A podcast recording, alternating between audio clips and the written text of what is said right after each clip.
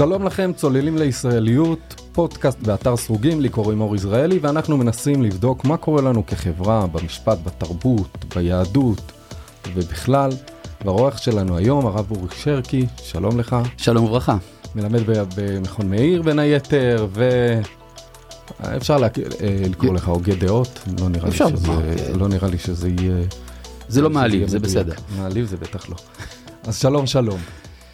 אה, אנחנו פה מנסים לראות מה קורה לנו, רק ניתן את המסגרת שכולנו אולי ידועים, אנחנו אחרי אה, אה, ארבע מערכות בחירות בשנתיים, אנחנו באמצע, בעיצומו של משבר קורונה, אנחנו בממשלה שהקימו נפתלי בנט ויאיר לפיד, שיש עליה הרבה זעם ציבורי בגלל אי הבטחות בחירות, בגלל הכנסת רע"מ.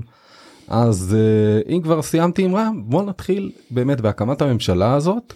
ובהכנסה של רע"מ שלרבים רואים בה כקו שבר מאוד מאוד אה, חזק באמון הציבורי לפחות בנפתלי בנט. תראה, אני בדרך כלל לא מתבטא בעניינים פוליטיים ויש לי סיבות טובות וגם סיבות לא טובות, אה, אינטרסנטיות וכדומה. אה, אבל לומר לך את האמת, אה, הקמת הממשלה היא תולדה של אי היציבות של המערכת הפוליטית בישראל, זה לא דבר חדש. כלומר, אי אפשר לומר שדווקא פלוני או אלמוני הוא לא בסדר באופן כללי. חלק מעבודתו של פוליטיקאי זה לא לעמוד בהבטחותיו. זה בשביל זה כבר מקיאוולי כבר הסביר את זה יפה. ש... בטח לא הבטחות אה, אה, לפני בחירות. בוודאי, אה, בסופו של דבר איך אמר מקיאוולי, אה, ערכים זה טוב כל זמן שזה יעיל. אה, לומר את האמת, אה, גם ממשלה שהייתה מוקמת על ידי הליכוד, גם היא הייתה שבירה וייתכן גם שהייתה מכניסה אה, את רע"מ או כל גוף אחר. אה, לא על זה אנחנו שופטים ממשלה, אנחנו שופטים ממשלה לפי אה, מעשיה, מעשיה יקרבוה, מעשיה ירחקוה. אה, וכמו שאמרה ימימה מזרחי הייתה אצלי בבית לכבוד יום ההולדת של, של אשתי, מאוד יפה שהגיעה, והיא אמרה תמיד חושבים שיש מישהו שאי אפשר להחליף אותו ואנחנו רואים שהמחליפים הם לא פחות גרועים ממנו. זה נכון מה שנאמר בתי הקברות מלאים באנשים שאין להם תחליף. כן רק לא הבנת את הבדיחה אבל זה נורא בסדר. אז תסביר לי. לא אני אומר גם האחרים גרועים זה בסדר. כן אותו דבר זאת אומרת בסדר אני חושב שהבנתי. אה בסדר אה, יופי. חשבנו שהוא יביא תקווה הוא לא אותו דבר בסדר לקחת את זה לכיוון גם ההפוך לשני הכיוונים גם לטוב וגם. כן. עכשיו תראה לגבי רע"מ עצמה תראה ברור שאף אחד לא מרוצה אה, אני חושב אפילו גם יאיר לפיד לא מרוצה ואפילו אולי אפילו מרץ לא, לא אני לא בטוח שהם כל כך מרוצים מזה שהיריב הפוליטי שלהם נמצא בתוך הממשלה. אם אנחנו מסתכלים על זה בטווח מאוד ארוך של התפתחותה של החברה הישראלית אה, היה צריך להיות בשלב כלשהו לפי המערכת הפוליטית כפי שהיא בנויה היום הדמוקרטיה הפרלמנטרית וכולי שבאיזשהו שלב אה, תהיה נציגות ערבית בממשלה. זה הייתי אומר דבר כמעט בלתי נמנע גם מבחינה דמוגרפית מבחינת ההתפתחות של, ה, אה, של החברה בישראל. האם אנחנו מרוצים שזה נעשה באופן הזה? אני חושב שיש הרבה שאלות בהחלט. אבל בסופו של דבר צריך לחשוב שיש פה גם מלבד הנזקים שנגרמים על ידי הכנסתה של רע"מ יש גם חיבוק הדוב שמנטרל באיזשהו מקום אה, חלק מן האגרסיביות של הציבור הערבי שלא לדבר על איזה רווח בכל זאת צדדי שהוא מבחינתי משמעותי.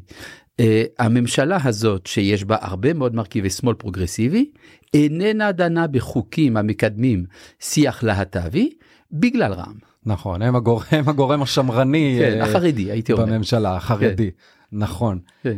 Uh, דיברת על uh, מיקיאוולי. האם באמת אנחנו המערכת הפוליטית שלנו נראית באמת בשנים האחרונות מיקיאווליסטית באמת? אולי גם לנתניהו יש בזה המון. השאלה אם uh, זה טבע האדם ככה אנחנו רוצים את המערכת שלנו או שאנחנו רוצים באמת אה, שבמרכז או שזה אולי נאיביות יהיו יותר ערכים הבטחות בחירות אה, אה, אה, ו, ושורשים שדרכם מתנהלים בזירה הפוליטית שהיא סבוכה. לא, אתה אומר דבר שהוא בנאלי בוודאי שאנחנו רוצים שערכים ינהלו את חיינו. אבל אנחנו צריכים להבין מה, מה המשמעות של ה... מה, מהו התפקוד הצפוי של הגוף הפוליטי הגוף הפוליטי הוא רק חלק מן המערך של החברה. יש גם אה, סופרים ורבנים ונביאים ושמאלנים והרבה מאוד אנשים שמשפיעים על השיח. הפוליטיקה היא רק מרכיב אחד. עכשיו הפוליטיקה פועלת לפי כללים אה, שאני מוכרח לומר שמקיאוולי בהחלט אה, תיאר אותם אה, בצורה הייתי אומר אה, אכזרית ואפילו הייתי אומר אה, חושפנית מאוד. אבל אה, אנחנו צריכים להבין שזה חלק מן המרכיבים ולא להתיירא מכך. בוודאי שאנשי הפוליטיקה צריכים לקחת בחשבון את עולם הערכים של יצרני האידיאולוגיות. אני שמתי לב תמיד שבדרך כלל אה, איש פוליטי הוא צרכן אידיאולוגיה ולא יצרן של אידיאולוגיה, וזאת משום שאין לו זמן. יש לפעמים מספר אה, אה, פוליטיקאים שגם היו יצרני אידיאולוגיה, אבל זה דבר נדיר. ולכן באמת זה רק מחזק את ה... את הדחיפות של האחריות של בעלי הערכים. אני לא מחפש את יצרני הערכים או נאמני הערכים בתוך המערכת הפוליטית עצמה, אבל בהחלט אני מקבל שבהיקף הסובב את המערכת הפוליטית יהיו אנשים אה, ערכיים שיקדמו את האג'נדות הנצרכות. זהו, מקדמי הערכים כן, באמת. כן, כן, הייתי אומר אפילו יותר מזה. יש לך בכל משרד ממשלה אה, מאות משרדים ומחלקות שרק מחכים לדבר אחד, שתגיד להם מה לעשות. כן? ואז אתה יכול להיות האיש שמבחוץ יאמר הנה זה מה שאני רוצה לקדם עכשיו זה עבודה שלכם. עכשיו אני רוצה לדבר על מהות הממשלה אולי או המהות כפי שרואים אותה מצד אחד יש כאלה אומרים אה, מוטי קרפל למשל הוא, הוא המייצג החזק שלה שהציונות הדתית ואני חוזר שנייה ל... Mm-hmm. למגרש המאוד מצומצם של הציונות הדתית אבל אני חושב שהיא גורם מאוד מרכזי פה. גם מסביב אתה רואה שאנשים מזהים בה כגורם מרכזי אה, אה, גם בתוך הקואליציה וגם מחוץ לקואליציה הציונות הדתית. אז הוא אומר בסוף נפתלי בנט וימינה וכולי הם היו הגורם שיכל לפשר בין ישראל החילונית הליברלית וכולי שכבר די התייאשה והרגישה רמוסה והוא נתן לה איזה יד אבל הוא שומר על המקומות שלו לבין אלה שאומרים חבר'ה הקשר שלנו צריך להיות עם המסורתיים עם אנשי הפריפריה עם המקומות האלה ושמה בגלל שהליכוד מייצג אותם ובגלל שש"ס מייצגים אותם אנחנו הולכים לקראת איזה שבר. אז סמוטריץ' באמת סוחף לכיוון שלו. אני שוב נוגע בפוליטיקה אבל די במהות. ואיפה אנחנו נמצאים הציונות הדתית עצמה במקום הזה שהיא נקרעת אולי בין שני חלקים בחברה. תראה, הייתי אומר ככה, ברור לי, אני חושב לכל אדם שיש לו עיניים לראות, שהציונות הדתית, אני מדבר על הציבור, כן, לאו דווקא על כן, המפלגה, כן. אה, זה אחד הגורמים היותר משמעותיים בהתפתחות של, ה, של החברה הישראלית, וברור, אני חושב לכל אדם שבאיזשהו שלב היא תהיה בהנהגה של המדינה. אה, מאוד מאוד מאפיין את הפיצול שקורה עכשיו בתוך הציבור הזה לדעתי הוא מאוד משמעותי לשתי מגמות שאני מזדהה עם שתיהן. אה, כפי שאמר לי אה, אחד מחברי הכנסת אני צריך לבחור בין להיות בשלטון או להיות מפלגה דתית. עכשיו זה בדיוק מה שקורה כיום יש לך מי שמקים מפלגה דתית יש מי שבשלטון. עכשיו הסיבה שאני תמכתי ברשימה המאוחדת בזמנו זה בגלל שהיא מאוחדת כי היא מאחדת את שתי המגמות האלה. ברגע שזה אה, יתפצל לשניים מי שרוצה רק מפלגה דתית או מי שרוצה רק שלטון אז אני לא תמכתי רשמית באף אחד. כי לדעתי השילוב המנצח זה השילוב של שניהם. אה, ייתכן מאוד שאנחנו בתנועת מטוטלת. שיש שלב שבו נגיד אנשים כמו נפתלי בנט איילת שקד בעצם מקדמים את הרעיון של להיות בשלטון וזה דבר מבורך מאוד מבחינתי לבין אה, לבין שלב שבו אה, תתחזק הזהות הייתי אומר הדתית הייתי אומר הכמעט מסתגרת שיש לה גם כן ערכים משלה ובתוך תנועת המטוטלת הזאת בסוף תיווצר סינתזה דיאלקטית אם אתה רוצה. כן אה, זה עברנו, הייתי... עברנו כבר להגל מ... כן כן ברור ברור אבל אתה יודע פעם בזמנו אוקיי. פרופסור קרלו שטרנגר זיכרונו לברכה שהייתי נהנה כל כך להתווכח איתו אמר שאני מיסטיקאי הגליאני אני חושב שזה דווקא די, די נכון. אה, לא לא נבהיל את, ה, את המאזינים שלנו במושגים שאולי לא לגמרי ברורים. עכשיו מה שאני אולי אתן כותרת שאתה אוהב לחבר בסוף את הדברים בסוף אתה אתה לא אוהב את ה... אתה רואה את המגמות ואתה אומר טוב בסוף זה יתחבר. אבל אחד הדברים המשמעותיים ביותר וזאת הייתה הסיבה שבזמנו אני תמכתי ביוזמתו של משה פייגלין שצריך לתפוס את השלטון במדינה. כלומר הציבור הדתי לאומי בעקבות הרב קוק התרגל להיות פרשן של המאורעות ולראות את היופי שבמה שקורה ואיך שהחילונים עושים את העבודה. ושכחנו שהפכנו להיות ציבור ושציבור גם צריך לשאוף לתפיסת ההנהגה ולא רק להיות קרון בתוך הרכבת של החברה. אז אני חושב במובן הזה הרעיון של לתפוס את השלטון ולהיות מקבל החלטות ומקדם המאורעות אני חושב שזה דבר נפלא וודאי אני הולך בכיוון הזה. עכשיו אם תרשה לי אני רוצה מה שאתה מדבר על המסורתיות וכל המתרח, כל המתלווה לזה. אתה יודע פעם הייתי באיזה כנס אה, בבנייני האומה אה, שהנושא שלו היה, אני חושב שזה אורגן על ידי תנועת צוהר, היה הנושא של השסעים בחברה הדתית לאומית. ואז היינו שלושה בבמה, מימיני ישב אה, אחד מהלייטים, ומשמאלי ישב אחד מהחרד"לים. אני לא זוכר אפילו את השמות, יסלחו לי. כן, ודיברו על אה, שתי מגמות וכולי וכולי. ואז פנו אליי ושאלו אותי מה אני אומר. ואני אמרתי שזה אה, ויכוח פנים אשכנזי מרתק. כלומר, אה, הרעיון הזה שאני צריך תמיד לתת איזשהו הסבר אידיאולוגי רעיוני מעבר אה, בשביל להסביר את ההתנהגות שלי לדעתי זה דבר הרסני. והדבר הזה אה, חודר לה, היום גם לוויכוח בין ספרדים לאשכנזים אני רוצה להסביר את הנקודה הזאת אתה יודע אצל ה... יש הבדל יש שני סוגי מסורתיים במדינת ישראל יש מסורתיים אשכנזים ויש מסורתיים ספרדים. Mm-hmm. מה ההבדל ביניהם? המסורתי האשכנזי הוא מי שרוצה להצדיק את העובדה שהוא מחפף. מלכתחילה. מלכתחילה, כלומר, אני, מה אני אעשה? אני עכשיו, אני רואה שאינני נאמן באופן מוחלט להלכה וכדומה, אז אני צריך למצוא איזשהו צידוק, צידוק אידיאולוגי. הנה מצאתי את התנועה המסורתית אולי הקונסרבטיבית או כל מיני לבושים אחרים של אידיאולוגיה כדי להסביר מדוע אני מה שאני. אצל הספרדים זה ממש לא ככה. אצל הספרדים המסורתיות היא עובדה נתונה שלא מנסים לתת לה הצדקה. כלומר, עבור הספרדי המסורתי, האורתודוקסיה, הרב האורתודוקסי הוא היהדות. אני נמצא במרחק כי ככה בא לי. עכשיו, יש בזה יתרונות, יש בזה חסרונות. אבל זה מאפשר בצורה הרבה יותר פשוטה מעבר מקצה לקצה, חזרה בתשובה או התרחקות, בלי להרגיש שאתה נדחית החוצה. אה, אחת הטעויות שאני מזהה בעצם היום זה הניסיון להפוך את ההתנהגות הסוציולוגית דה פקטו של הספרדים לאידיאולוגיה גם כן. אבל אה, אה, זה ברור שיש הרבה לחברה הישראלית יש הרבה מה ללמוד מהספרדים לא הייתי אומר מש"ס. כן כלומר יש מפלגה ליטאית ספרדית זה נכון אבל היא ליטאית ביסודה לפחות מצד ההנהגה והיא מנצלת איזשהו ציבור שהוא ספרדי ביסודו.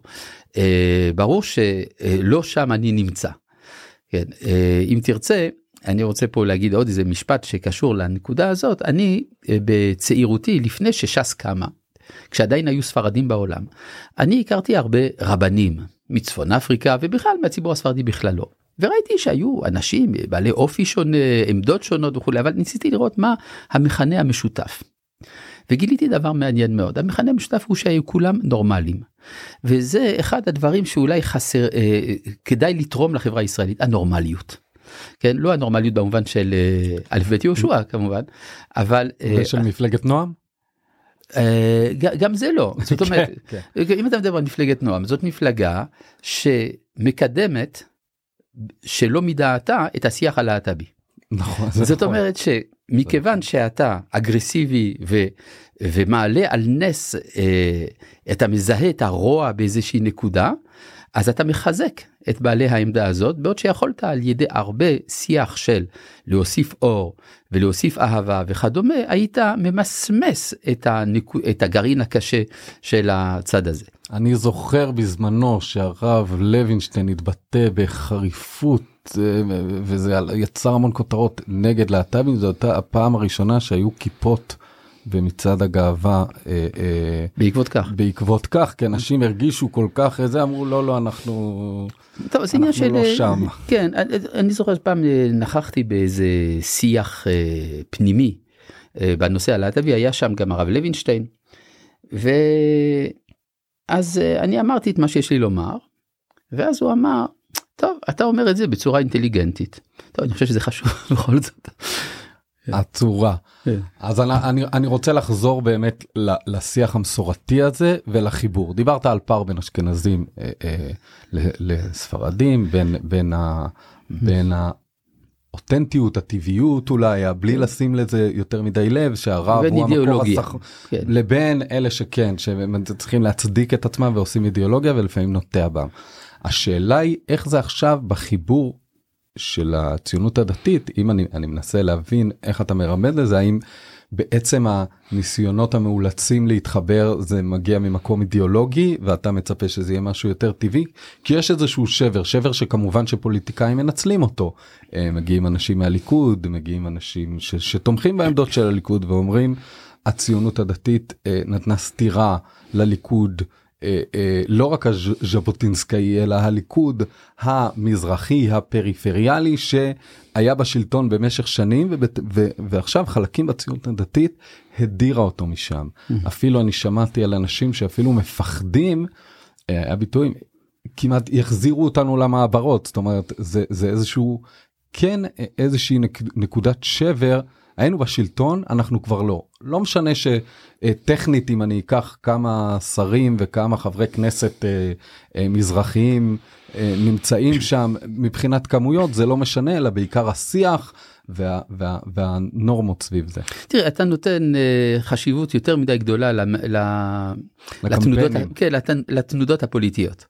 כלומר מטבעה של דמו- דמוקרטיה פרלמנטרית, אני חושב שפיטרסון גם אמר את זה, שתמיד מגיעים פחות או יותר לשוויון ימין ושמאל. ואז, ה... ואז מי יהיה בשלטון זה יהיה תלוי באמת בכמות אה, קטנטנה מזערית של חברי כנסת שעוברים מפה לשם ונראה לי ש... כלומר אה, אני חושב שכל אחד צופה את זה של חזרת הימין לשלטון וכדומה. אה, כך שאני חושב שהתסכולים האלה אמנם הם קיימים אבל אינם משמעותיים כל כך כמו שאולי אתה מציג אותם.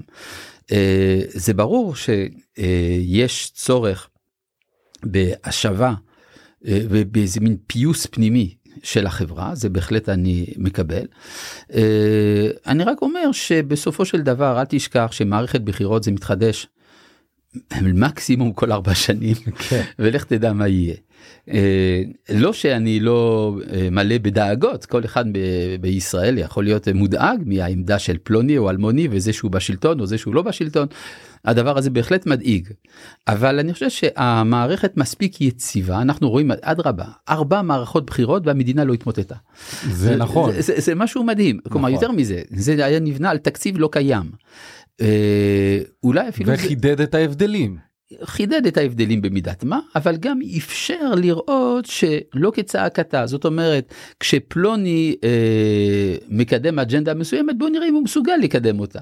למשל היום אתה ב, ב, ב, ב, עם ממשלה שבה יושב השמאל הקיצוני הוא מסכים לא לוותר על שטחים. כלומר אה, יש פה משהו מדהים זאת אומרת כל אחד מבין שאולי זה אפילו יותר טוב שהימני הזה מונע מאיתנו את הדבר הזה. זאת אומרת בסופו של דבר החברה כחברה היא מכלול. וכל זמן שלא קמה כנסת אלטרנטיבית או ממשלה אלטרנטיבית אז אנחנו באותה הסירה. הייתה הצעה כזאת. לא הייתה הצעה כזאת? אני- חבר הכנסת דודי אמסלם דיבר על זה שהוא הציע לא כנסת אלטרנטיבית אבל הוא הציע להחרים אמר בואו. זה משהו אחר, הוא לא קיבל את זה לא להגיע לכנסת לא לדרוך שם כן, אבל ושאנחנו נהיה אנחנו לא ניתן להם זאת אומרת יש אז אמנם הוא חבר כנסת בודד בליכוד ובסוף. עובדה שהצעתו לא התקבלה. אבל יש כן. את הקולות האלה אבל אני מדבר אבל מבחינה לא- חברתית זה לא לא- כן, נכון כן. אני מדבר מהבחינה האם יש בציבור הזה אנשים שרואים ואני אחזור אה, אה, אולי ל- ל- להתנתקות שהציונות הדתית הרגישה פתאום או אני זוכר שהיה דיבור כזה של אה, פתאום הולכים לפנים לפנים דופקים על הדלת לאנשים שחלקם אומרים שאנחנו באנו להתקבל ליישובים שלכם אה, לא קיבלתם אותנו בוועדת קבלה עכשיו אתם דופקים איתנו למפקד כן, ברור. משאל מתפקדי הליכוד. ברור. אה, השאלה אם, ש... אם שוב ויש אנשים שמנסים לתדלק את זה שם שאומרים הנה הציונות הדתית אנחנו היינו איתכם בשלטון ואני כן מפנה את הזה לכיוונים של ימינה. ואפילו חלק מהאליטה האינטלקטואלית של הציונות הדתית שאומרת לא כצעקתה ונפתלי בנט אה, זה בסדר או מבינים או לא מנסים להכיל את העניין הזה מגווניו והם אומרים הנה שוב נתתם לנו סטירה. ומה אתם מצפים אפילו היה טוב פעילי ליכוד מאוד אגרסיביים שאמרו אוקיי פעם באה שיבוא לפנט אתכם אנחנו, אנחנו עכשיו נהיה בעד מי, אני מבין כן. שזה כעס רגעי אבל אני כן מנסה לדבר על הקו שבר הזה. ו... כן, תראה, ברור שההתנתקות היא קו השבר הגדול בתולדות מדינת ישראל בעשרות שנים האחרונות. זה פה הייתה נקודת השבירה והיטיב לבטא זאת אריאל שרון בעצמו. כשהוא היה צריך להסביר מדוע הוא עושה את ההתנתקות הרי הוא אף פעם לא הסביר. אה, ויומיים לפני ההתנתקות אז הוא אמר זה בגלל בעיות דמוגרפיות נו באמת זה את למי הוא מוכר את זה. אבל מה שהוא לא אמר- ראה אותם שהוא אמר דין נצרים כדין. כן אה, כן ברור תל אביב. אבל כשהוא דיבר בכנסת היה לו נאום שלהערכתי לא הוא כתב אותו אבל זה בכלל לא משנה מה שכתוב בנאום זה מה שחשוב. הוא אמר לאחיי המתנחלים הלכנו ביחד דרך ארוכה. הבעיה שלכם היא שיש לכם וזה ההוכחה שהוא לא כתב בעצמו אה, משיחויות הוא התכוון משיחיות משיחיות. כן הוא פשוט לא הכיר את המילה. כן, אה, הבנתי. כן אז אבל מה- הוא רצה לומר? הוא כל כך לא הכיר אותה שאפילו לא ידע לבטא אותה בדיוק. בנאום שכתבו לו. בדיוק. כן. עכשיו, אבל מה, מה, מה הוא מתכוון, או מה הנאום מתכוון? שבעצם הסיבה האמיתית, הפנימית של הרעיון של ההתנתקות היה התחושה של איום שחשה החברה הישראלית החילונית, אפשר לומר, ממישהו שבא לתת אה, אומרת, הגדרה חדשה לאמנה החברתית בישראל. כלומר, האמנה החברתית הסתדרה מסביב לציונות. המפעל הציוני וגם נצרים זה חלק מהמפעל הציוני. אבל ברגע שיש פה גם אה, תביעה להנהגה ערכית חדשה וזה בעצם מה שהמתנחלים הרגישו שהם הולכים עכשיו לשנות את המדינה להחזיר את המדינה בתשובה אמר, פה אני עוצר אתכם. ואפילו שהמחיר יהיה פגיעה באידאל הציוני שלי זה שווה לי על מנת שאתם לא תהיו בשלטון. זה, זה הנקודה המאוד משמעותית. עכשיו אה, מיד אחרי ההתנתקות כתבתי מאמר שבו אני אומר שיש שלושה חטאים שחטאה בהם הציונות הדתית שהיא צריכה לחזור בתשובה מהם. האחד שהיא זנחה את הרעיון של אחדות הקודש והחול. והליבה הרעיונית של הציונות הדתית התכנסה בתוך הקודש. אומרת החברה החילונית באופן אינסטינקטיבי, כלומר מייצגי החול, אם אתם רוצים רק קודש אז אתם לא צריכים יישובים, ניתן לכם בית מדרש. בית מדרש. אתם רוצים אלף אלפיים מטר מרובע בשביל הבית מדרש המוזהב תקבלו אבל אל תתערבו לנו בחיים. זה אם כן דבר ראשון צריך לחזור בתשובה אליו החיבור בין הקודש לבין החול שנשכח. הדבר השני ההחלטה לא לתפוס את השלטון. אני רוצה להגיד לך שאני פשוט הייתי באיזה כנס קצת לפני ההתנתקות של אנשים פעילים היו מלאי אנרגיות וזה מה עושים אם תהיה התנתקות. הגיע אחד הרבנים ואמר מה אנחנו כבר רוצים וכי אנחנו רוצים שלטון? ואז היית צריך לראות כל הציבור אומר כן רוצים אבל ההנהגה. לא רצתה. כן. והדבר השלישי זה הממד האוניברסלי. כלומר הוויכוח היום בין הימין לשמאל הליבה הפנימית של הוויכוח זה האם אנחנו אה, אכפת לנו רק מהיהודים או אכפת לנו מהעולם. נכון. ומצד האמת לא אלה צודקים ולא אלה צודקים. הרי היהדות כיהדות היא רעיון לאומי בעל השלכות אוניברסליות ונברחו בכך כל נשורות האדמה הדבר הזה נזנח. ונקודת החיבור בין הימין לבין השמאל יכולה להיות דווקא ההכרה שאנחנו ממלאים תפקיד אוניברסלי. זה אחת הסיבות שאני הקמתי את ארגון ברית עולם נכון. שחלק מפעילותו זה לפנות אל אומות העולם למד אותם שבע מצוות בני נוח וכולי. כלומר אה, זה דבר שדווקא הדתיים היותר ליברליים מפחדים ממנו. כן? אז אני רוצה לשאול במקום הזה שכן הולך לשלטון. היה טוב אתה אמרת שיש שתי אה, תנועות נגדיות בציונות הדתית אני זוכר עם פגישות עם סמוטריץ' עוד לפני שאמר לי. בנט ואני לא מכוונים לאותו דבר עוד לפני שעוד היה ידוע שזה אמר אני רוצה את ה... את, את, את הפיילה שלנו כן, את, כן, ה, כן. את, ה, את הציונות הדתית כי חשוב לי כי היא תשמור ערכית ובנט רוצה ללכת אה. להיות ראש ממשלה כן. וזה מה שמעניין אותו אבל אני מפחד ש... זאת הסיבה שהם היו צריכים שניהם- שניהם להיות ביחד. ואני מפחד שכשהוא יהיה שמה אז הוא לא ייתן לי את היבנה וחכמיה שלי שאני נמצא פה. ברור. אה, השאלה אם באמת אפשר להכיל את שני הדברים האלה יחד כי הנה עכשיו יש ראש ממשלה עם כיפה בישראל מהמם. היית מצפה שהציונות הדתית תגיד או סוף סוף הגענו למעמד הזה. אני זוכר את הסרטון שפייגלין הוציא בזמנו, שיש ראש ממשלה עם כיפה מול הכותל, נכון. וזה היה כאילו וואו חלום. משהו שאי אפשר להיות והנה החלום כביכול התגשם הוא בא אה, אה, אה, איך אומרים אה, יש אפילו משיח גם נשיא חצי דתי יש גם. נכון. אה, אה, אה, אה, כמה דברים באים בהפתעה כן. אחד מהם זה משיח בהיסח כאילו, הדעת. בהיסח הדעת נכון. הגיע הדבר הזה וכולם מתאבלים אולי זה המציאות שלנו שאנחנו לא רואים את ה... את טוב, ה- יש, אה, אין בעל הנס מכיר בניסו. השאלה אם גם בנט מכיר בניסו והאם גם סמוטריץ' מכיר בניסו, כן? אני אה, מסרב לתת העדפה לאחד על פני השני, או לשני על פני האחד. אה, אבל זה ברור שהתהליכים שאנחנו עוברים, הם כוללים בתוכם תוך וקליפה. אז אפשר תמיד לראות את הקליפה ולשכוח את התוך. ואחד הדברים שלמדנו אצל הרב צבי יהודה זה תמיד לראות את התוך ואת הנולד. ואני חושב שצריך להיות ער לשינויים שמתרחשים. אני לא אומר שאני שקט כשאני רואה מה שמתרחש, אני תמיד בחרדות מסוימות ביחס לדברים שיכולים לקרות, אבל בסופו של דבר אם אנחנו מסתכלים, תמיד צריך להסתכל לטווח הארוך ולא לטווח המיידי. נזקים יכולים להיות בדרך, אין שום ספק. אז אם כבר דיברנו על החרדות מה החרדות שלך לחברה הישראלית או במציאות עכשיו. טוב, החרדות שלי הם אה, דברים פשוטים ומובנים מאליהם. אה, אני אה, חושש מדריסת רגל של, ה, של התנועה הרפורמית. אני חושש מלגיטימציה של פירוק המשפחה.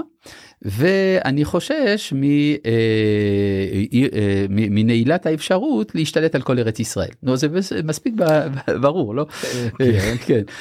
זה, זה שלושת החרדות שלי, אה.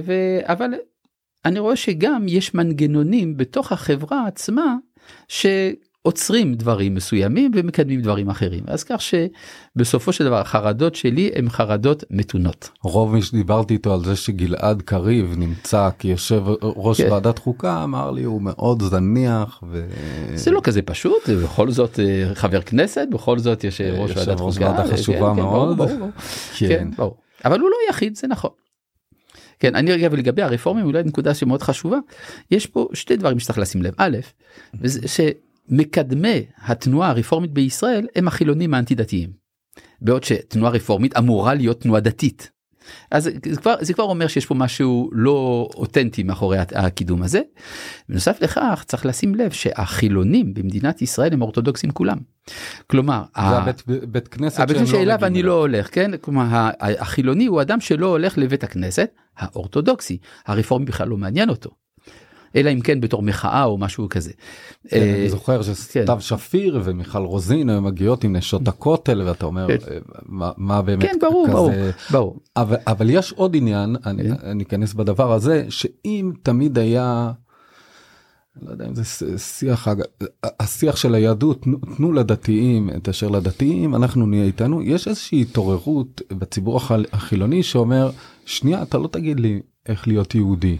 אה, ואולי זה מתקשר להבדל המסורתי בין אשכנזים ל- לספרדים. שעלינו ואז הוא אומר שנייה אני רוצה לנסח מין יאיר לפיד כזה או יאיר לפיד כמשל כן. או רות קלדרון באיזה שנייה היהדות היא לא פחות שלי אני רוצה להסתכל עליו בעיניים ליברליות או בעיניים אה, אה, פמיניסטיות של בהתאם למאה ה-21 ואולי משם מגיע החיבור לתנועה הרפורמית. אה, ייתכן, כלומר זה, זה ניסיון להכניס, אה, להכניס בדלת האחורית את, ה, את הרפורמים. אה, זאת אומרת כחלק מחיפוש זהות והגדרה כן, שתתאים. עם העולם החילוני ליברלי. כן, אבל הדבר הזה אז מחייב את הדתיים להיות רציניים, זה הכל. זאת אומרת, איך אמר הרב קוק, יש היום תביעה של חיבור הפרטים אל הכלל היותר גדול, כלומר ש, שרעיונות אה, יהיו רעיונות באמת כלליים ואוניברסליים, ואומר הרב קוק, אבל הרבנים לא עוסקים בזה. אז אה, זה מחייב את הציבור הדתי למשהו מאוד רציני, לחשיבה אלטרנטיבית שיכולה להתמודד עם ראש הפירמידה האינטלקטואלית של הצד שכנגד. זאת אחת הסיבות שאני הקמתי לאחרונה, זה כבר אנחנו במחזור השני, בית ספר גבוה לחוכמת האמונה, ש... אה, היומרה הייתי אומר המפורשת שלו זה להקים אליטה רוחנית אינטלקטואלית ש, אה, שיודעת בשם יהדותה להתמודד עם כל השאלות הגדולות המנסרות בחלל העולם ולתת פתרונות יותר טובים מאשר הצד השני.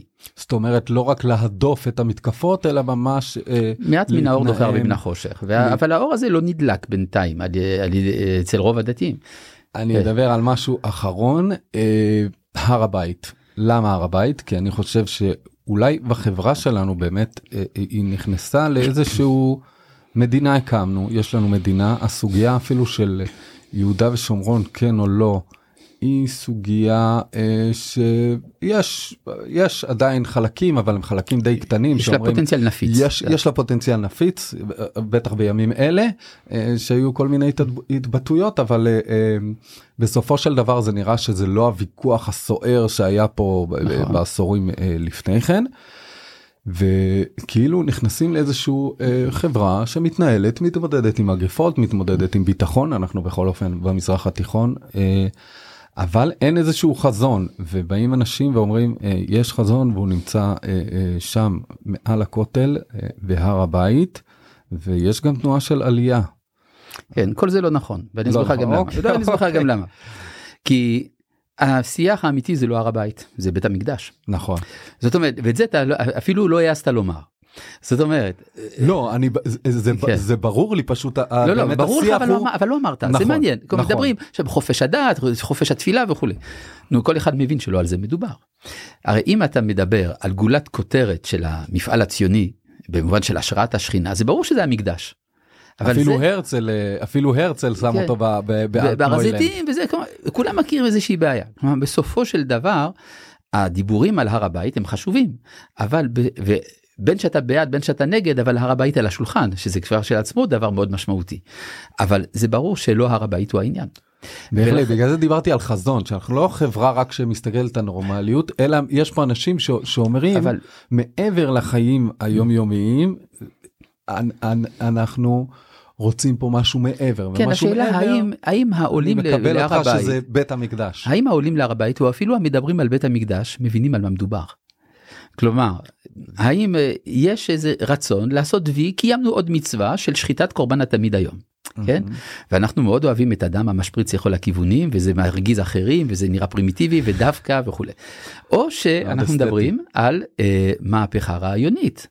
ועל מנת שבית המקדש ייבנה, הר הבית לדעתי הוא שולי בנושא הזה, על מנת שבית המקדש ייבנה צריכה להיות מהפכה רעיונית עמוקה מאוד, תרבותית עמוקה מאוד, בכל הציבור כולו ואפילו אצל הדתיים. כלומר זה לא זה לא דבר ש... אבל זה בהחלט מה שאתה כן צודק זה שאנחנו אה, נתבעים בהחלט לקידום של תפיסה חדשה של האדם, העולם, האלוהות וכדומה. ברור שאנחנו בדרך לדבר הזה, אני לא מאלה שרוצים להאט תהליכים, אני רק רוצה שאנחנו נעריך נכון את הזמן שזה דורש מאיתנו ואת האנרגיות שזה דורש מאיתנו להשקיע. בהחלט, אולי ומכאן הקונפליט, כי אתה אומר אנחנו באמת רוצים משהו גדול יותר, חלק מחזון, מה שדיברתי mm-hmm. עליו, שאנחנו לא רק עם ככל העמים שבא לפה ומתנהל ורב על שער הדולר וטיסות לחו"ל שזה גם חשוב, הנורמליות היא חשובה והמדיניות אבל אנחנו אומרים מעבר לדברים האלה יש לנו איזה חזון כמו שדיברת עליו mm-hmm. אוניברס, אוניברסלי ביתי בתפילה יקרא לכל העמים mm-hmm. שאולי כשיורדים לפרקטיקה לדם הקורבן, הקורבן בעידן שהצמחונות מתקדמת ומשבר האקלים זה נראה דיסוננס כזה גדול שאו שחלקים אומרים כמו שאמרת עושים דווקא או שחלקים אבל אדרבה זה מאתגר מהמשוגעים האלה כן כן אבל אדרבה זה מה שמאתגר. כן בהחלט. טוב הרב אורי שרקי תודה רבה לך תודה רבה לכם. איתנו, היה מעניין מאוד. אם אהבתם את הפרק הזה ובא לכם עוד תכנים בסגנון נשמח שתעקבו אחרי הפודקאסט שלנו צוללים לישראליות ואחרי שאר הפודקאסטים של סרוגים. אתם מוזמנים להירשם בספוטיפיי לדרג באפל פודקאסט ואולי גם להשאיר תגובה עם מה שחשבתם ועל אורחים מעניינים שאתם רוצים שנזמין. תודה רבה לכם על ההאזנה.